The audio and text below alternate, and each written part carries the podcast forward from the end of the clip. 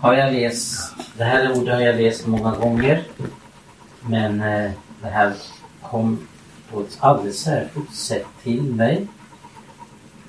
Väldigt levande och eh, eh, och som broder här har nämnt så är det ju så här att Gud han talar.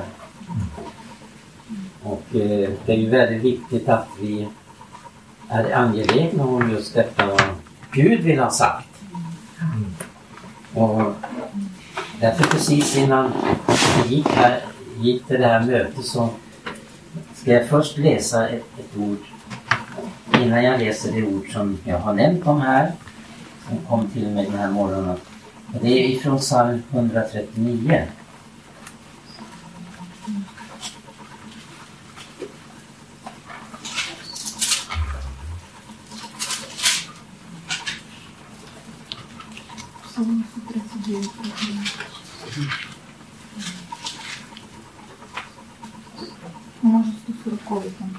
psalm 139. Och då är det vers 23 och vers 24 det handlar om.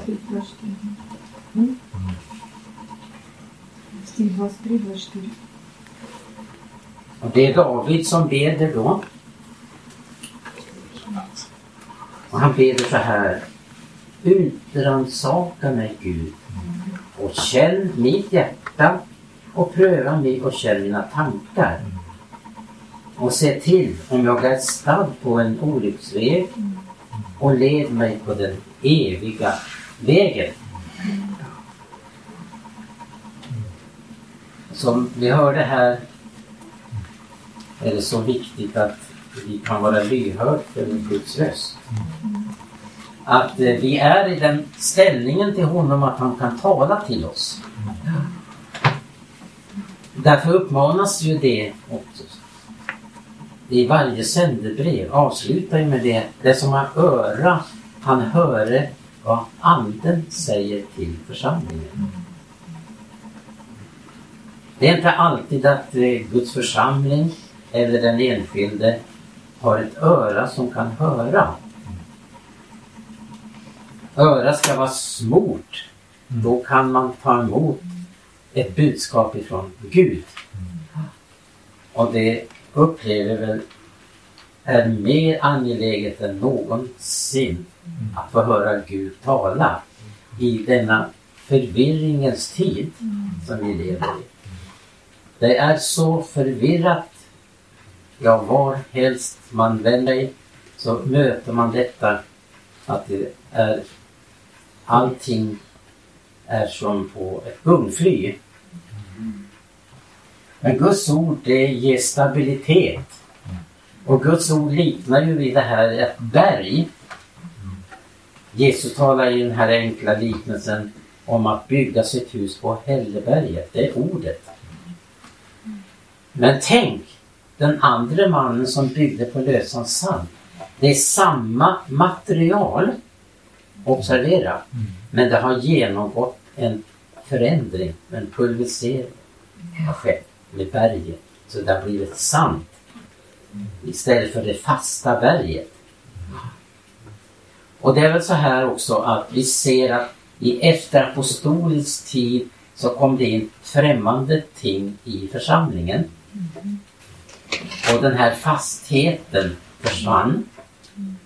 Och Paulus varnar ju redan under sin tid att om det kommer någon och förkunnar en annan Jesus eller förhör ett annat evangelium, en annan ande, så fördragen blir sådan allt för väl. Och det var också budskapet till en av församlingarna.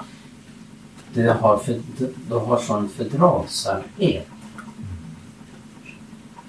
Att ha fördragsamhet.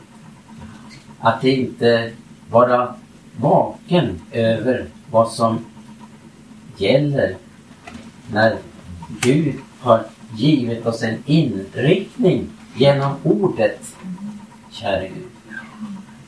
Ja, till och med det står om Israels första som har eh, flyttat råmärkena. Käre Gud. När jag var ung och var hemma hos mina föräldrar. Och min far arrenderade en gård. Så ville ägaren att eh, vi skulle gå ut och eh, eh, röja upp rågångarna så att vi fick veta vad som tillhörde hans ägor och grannens ägor. Så vi fick gå ut och röja. Jag var med då. Jag var inte gammal. Men vi fick röja och vi fick eh, eh, göra en tydlig skiljelinje. Vad som tillhörde det och vad som tillhörde det. Och det är så vi upplever också Guds ord. Det drar upp en riktlinje för oss. Guds ord har ju den här bilden av en, ett murlon till exempel. Det ger den exakta linjen. Eller en metstock. Och det står om till exempel i Uppenbarelseboken att man skulle mäta Guds tempel. Här ut. Tänk så underbart att vi har någonting som är exakt att gå till. Vi behöver inte förvirras eller vilseledas. Men vi behöver också bedja så här. Utrannsaka mig Gud och känn mitt hjärta och pröva mina, känn mina tankar. Och se till att jag är stadd. Eh, se till om jag är stadd på en olycksväg och led mig på den eviga vägen. Vilken bön, vilken, vilken bön som är också angeläget för oss. Som det var för David. Men det var som sagt ett ord som kom till mig.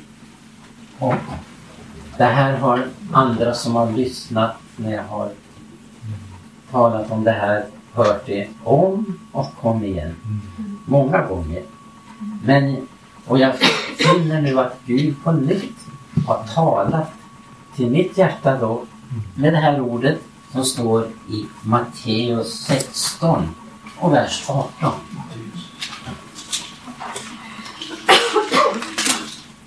Matteus 16, vers 18. Så säger jag dig att du är Petrus och på denna klippa ska jag bygga min församling.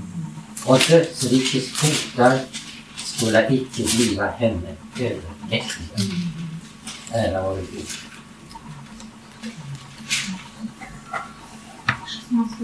Här är det ju frågan om att han ville bygga på det ord som Jesus hade givit till Petrus. Inte på Petrus som, som person utan på det ord som han har mottagit av Jesus. Och som han också sen blev trogen. Och det är på denna klippa ska jag bygga min församling. Jag måste berätta en, eh, ett personligt vittnesbörd. Det, det här var rätt länge sedan nu. Och jag, mina vänner här som har hört det om och om igen. Men eh, för er som inte har hört det här vill jag nämna det här. Det var så här att jag var evangelist i pingst. Och jag var ute på fältet som det hette på den, den tiden. Så var jag hem och skulle mina, eh, för mina föräldrar för att eh, återgå till ett annat fält. Men under den här veckorna jag var hemma, det var på sommaren då som man kunde ta ledigt. Ja, så helt plötsligt så får jag med om en, en mycket stark upplevelse. Ja, det var så här att eh, jag fick höra tydligt ett Guds tilltal. Och det handlade om tre ting som hör ändetiden till. Och det första var detta att jag vill upprätta församlingen efter den apostoliska mönsterbilden. Det var det första, punkt ett. Punkt två var det detta att sanningen om Jesu tillkommelse ska på nytt få ljuda här i det här landet, bland annat. Och det tredje var detta att församlingen, den situation som vi går till mötes kommer vara mycket svår. Men då får jag också eh, uppleva det här att Gud då säger att så som församlingen började i Jerusalem så kommer den att avsluta också. Det ligger väl i Guds eh, logik detta handlande, att han gör så, bland annat. Men det har också att göra med en begynnelse och en avslutning. Församlingens avslutning. Och där är det mycket vi ser i Kina till exempel där, där, eh, där man lever under ett svårt tryck. För att eh, på det viset så får man gemenskap och söker sig till varandra.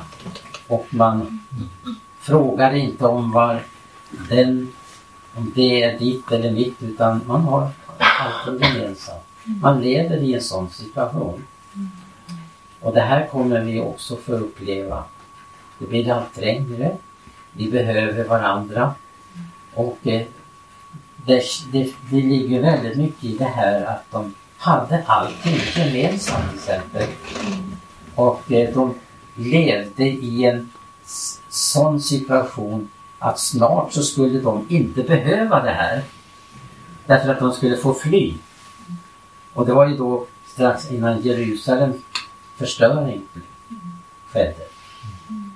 Och Gud gav dem nåd till och med. Och det var profetiskt budskap att det här, ni ska få möjlighet att fly. Fly upp till bergen. Och de, det var ju så att belägringen upphörde en kort period. Och det hade Gud i sin försyn ordnat. Och det kom också profetiskt budskap till de troende, till församlingen, att eh, vi ska fly nu. Och de som inte hörde det, de gick det här fruktansvärda eh, katastrofen till mötes. Ni vet vad som hände med dem där i Jerusalem. När den belägrades. Att det var så fruktansvärt så att eh, de hårda, råbarkade soldaterna nästan klarade inte av att se vad som skedde där i Jerusalem. Historien förtäljer ju detta. Det var någonting fruktansvärt. På ena sidan så som gick, det uppfylldes vad Jesus sa. Här ska inte en sten på sten lämnas. Allt ska bli nedbrutet. Och det är väl så också vi upplever att den här världsordningen nu går mot sin upplösning. Och det här handlar också om en förberedelse. Vi sjöng mycket för om flyttfåglarna. Det finns en sång som handlar om flyttfåglarna.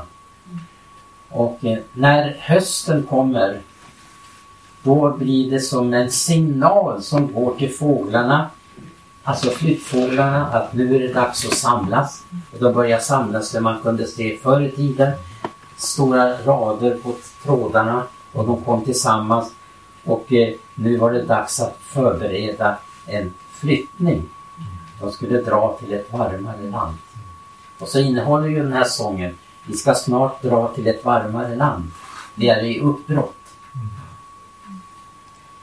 Käre Gud. Så det finns så mycket likheter i det här med församlingens situation där, den första delen. Och eh, för vår situation idag. Jesus. Vi får verkligen uppleva det här att eh, det som jag talar så mycket om i Maranata om nödvä- nödvändigheten av ett uppbrott. Uppbrott. Sitt inte fast i ekorrhjulet utan bryt upp. Inrikta dig på en evakuering. Snart ska tidernas största evakuering ske och Jesus kommer. Vi håller på, vi är inne i en förberedelse. Jesus. Och Gud har en underbar tanke då också om församlingen. Det ska inte slutas i misär utan det ska han, det, kan, det blir inte en stor skara, det blir det inte. Nej, det blir en liten skara. Men, ära vare Gud. Det sker detta att de ska ryckas Herren till mötes. För att alltid få vara hos Herren. Men jag tänkte då på det här ordet då. Så mycket. Det, det här till exempel, vad lär Bibeln om församlingen? Hur ska församlingen upprättas? Hur uppstår en församling? Det här är ju frågor som, som eh, har funnits med i, i varje väckelserörelse. Pingstväckelsen var ju, hade ju en väldigt noga undervisning om församlingen, vad församlingen var. Det var ingen samling av kleti och plet utan det var en samling som, som hade verkligen anammat budskapet om gemenskap. Ja, vad gemenskap är. Och jag, för att återgå till det här ordet så måste jag först eh, återge hur jag ser på det här. Och du får ju pröva det här naturligtvis. Det ska man ju alltid göra. Alltid ska det prövas, det som sägs från talarstolen. Det ska prövas.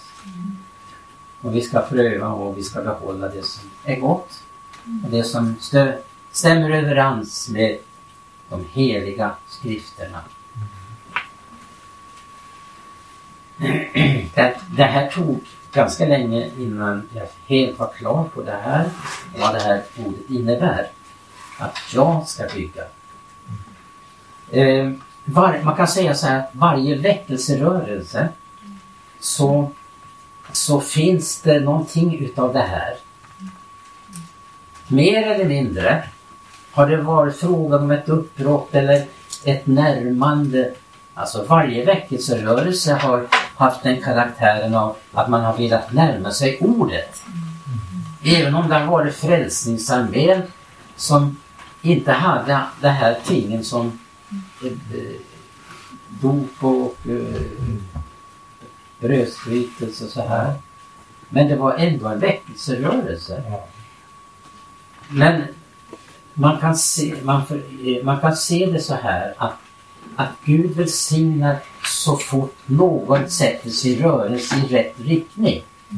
För när en väckelserörelse börjar svalna då, då blir det en tillbakagång. Då blir det inte det här att man är på eh, start på utveckling mot ordet. Och varje väckelserörelse har haft någonting med sig. Det var någon som sa här skämtsamt om att man är baptist eller så, eller metodist. Vi ska ju vara allt det här. Vi ska ju vara en metodist, en som går metodiskt till väga. Det har ju Jesus lärt, det lärde ju Jesus lärjungarna. Vi ska gå metodiskt tillväga. När det kommer i ett hus så ska ni hälsa det med frid. Och är det så att de inte är värdigt detta så går friden tillbaka om ni går till ni går, bryter upp därifrån. Skudda stoftet ur era fötter och, och gå vidare. Man ska gå metodiskt tillväga. Vi ska ju vara av baptister av hjärtat och vi tror på det bibliska dopet. Det vet heltid. Och vi verkligen får tacka Gud, de som satt för, med, eh, på bröd och vatten för sin tro eller blev förföljda. Oerhört vad baptisterna blev förföljda här i Sverige. Men det var likadant där också. De gick en bit men så de stannade. Och därför att de inte öppnade sig för den här förkunnelsen om eh, som har att göra med andens liv, andens dop och, och så vidare. Så tog ut ett nytt folk. Och det är väl så här, varje, i varje väckelserörelse har inneburit att Gud har tagit ut ett nytt folk. Och det måste han göra i den dag som inne är. Gud måste ta ut ett folk. Det här är oerhört intressant för att man tänker så här.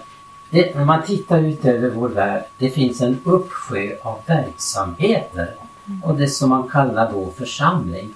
Men egentligen är det inte frågan om församling. För församling är någonting annat.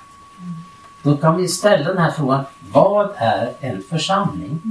Jo, en församling är det för första någonting som Gud bygger. Om inte Gud bygger, då bygger de som bygger där på fåfängt.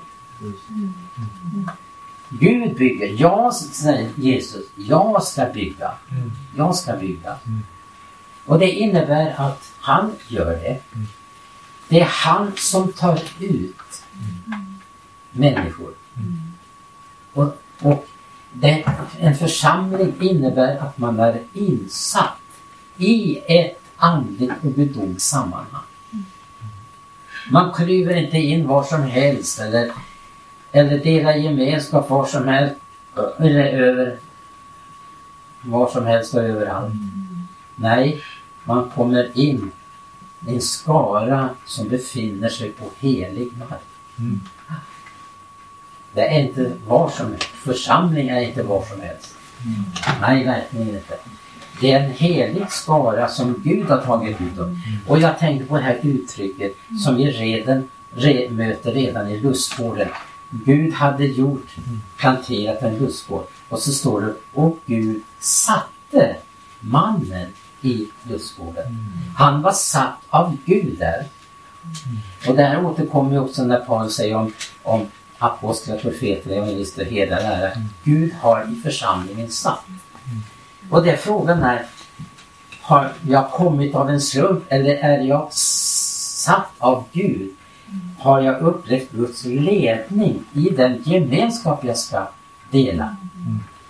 Och där är det väldigt viktigt att som man tänker så här, vilken församling ska jag gå till? Vi hade en, en, en, en artikel i Midnattsropet för länge sedan. Eh, eh, det ställde den här frågan, till vilken kyrka ska jag gå? Till vilken kyrka? Vi upplever i ju vår tid att det, vi, det saknas en sån här andlig rörelse. En upp- uppvaknande. Så man börjar fråga, ställer sig den här frågan, vad är en församling? Men så- som jag sa här nu, att församling det är ingenting var som helst. Utan det är lemmar varandra till tjänst som är insatta av Gud. Så att det är Kristi kropp. Inte någonting annat. Det är Kristi kropp. Gud har insatt lemmarna så som han har velat. Och när den kroppen fungerar då finns det det här som Paulus talar om att, att nå en lem lider så lider alla. Hur ska församlingen uppstå? Ja, det, det, det kan inte vi liksom eh, sätta igång. Nu ska vi sätta igång. Man hör ofta det här, nu ska vi starta församling. Det kan man aldrig göra.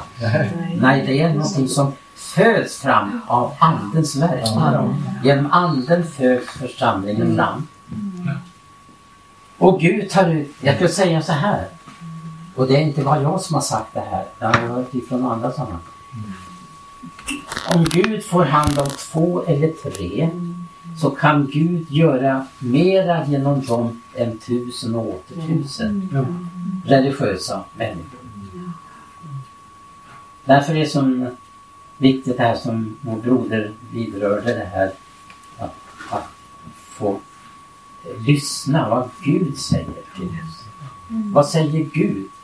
Frank Wall sa ju så här att vad, vad, säger, vad tycker Gud om din frälsning? Ja, vad tycker Gud om din frälsning? Och det här är ju det rannsakande budskap vi behöver. Vad sa Gud har det exakta budskapet och han kan uppenbara hurdan jag är. Om jag är redo att ta emot, om jag är redo att prövas av honom. Pröva mig Herre, se om jag är stark. Om jag, eller ifall jag är stark på en olycksväg. Gud satte, står det, han satte Adam i Edens lustgård för att bruka det. Och han sätter då ämbeten i församlingen. För att de ska såsom byggmästare bygga Guds församling. Och det här med församling det är ju som vi möter också när Gud talar till Eh, Mose. Se till att du gör i allt efter den mönsterbild som har blivit dig given. Den här mönsterbilden försvann i efterapostolisk tid. Men eh, varje väckelserörelse har varit ett närmande till ursprunget, till det som var en gång. Jag tänker på det här, jag har stavat det här så oerhört många gånger, det här ordet. Det som var från begynnelsen. Mm. Det är det vi ska ha. Det som var begynnelsen. Vi ska inte kopiera en gammal väckelse. Vi ska ha något nytt och fräscht ifrån himmelen. Ja. Och som motsvarar den här tiden. Observera, när Gud bygger sin församling så gör han det, något som gör, han, gör han det på det viset att det är någonting som motsvarar tiden. Färskvara. Ja, absolut. Det är väldigt viktigt att, eh, att anden får föda fram. Och där är det ju frågan om att var och en då måste ställa sig till, till Guds förfogande för att Gud ska insätta. Så att jag rör mig på en helig mark, att jag eh, är tillsammans med syskon som inte jag har valt. Jag kan inte välja mina syskon. Det gör Gud. Jag kan inte, nej jag passar, där tror jag ska vara, eller där, eller där, eller där. Och där tycker jag de är så bra, så det passar mig. Men här är frågan om att det är Gud som bygger. Gud bygger. Jag ska bygga min församling.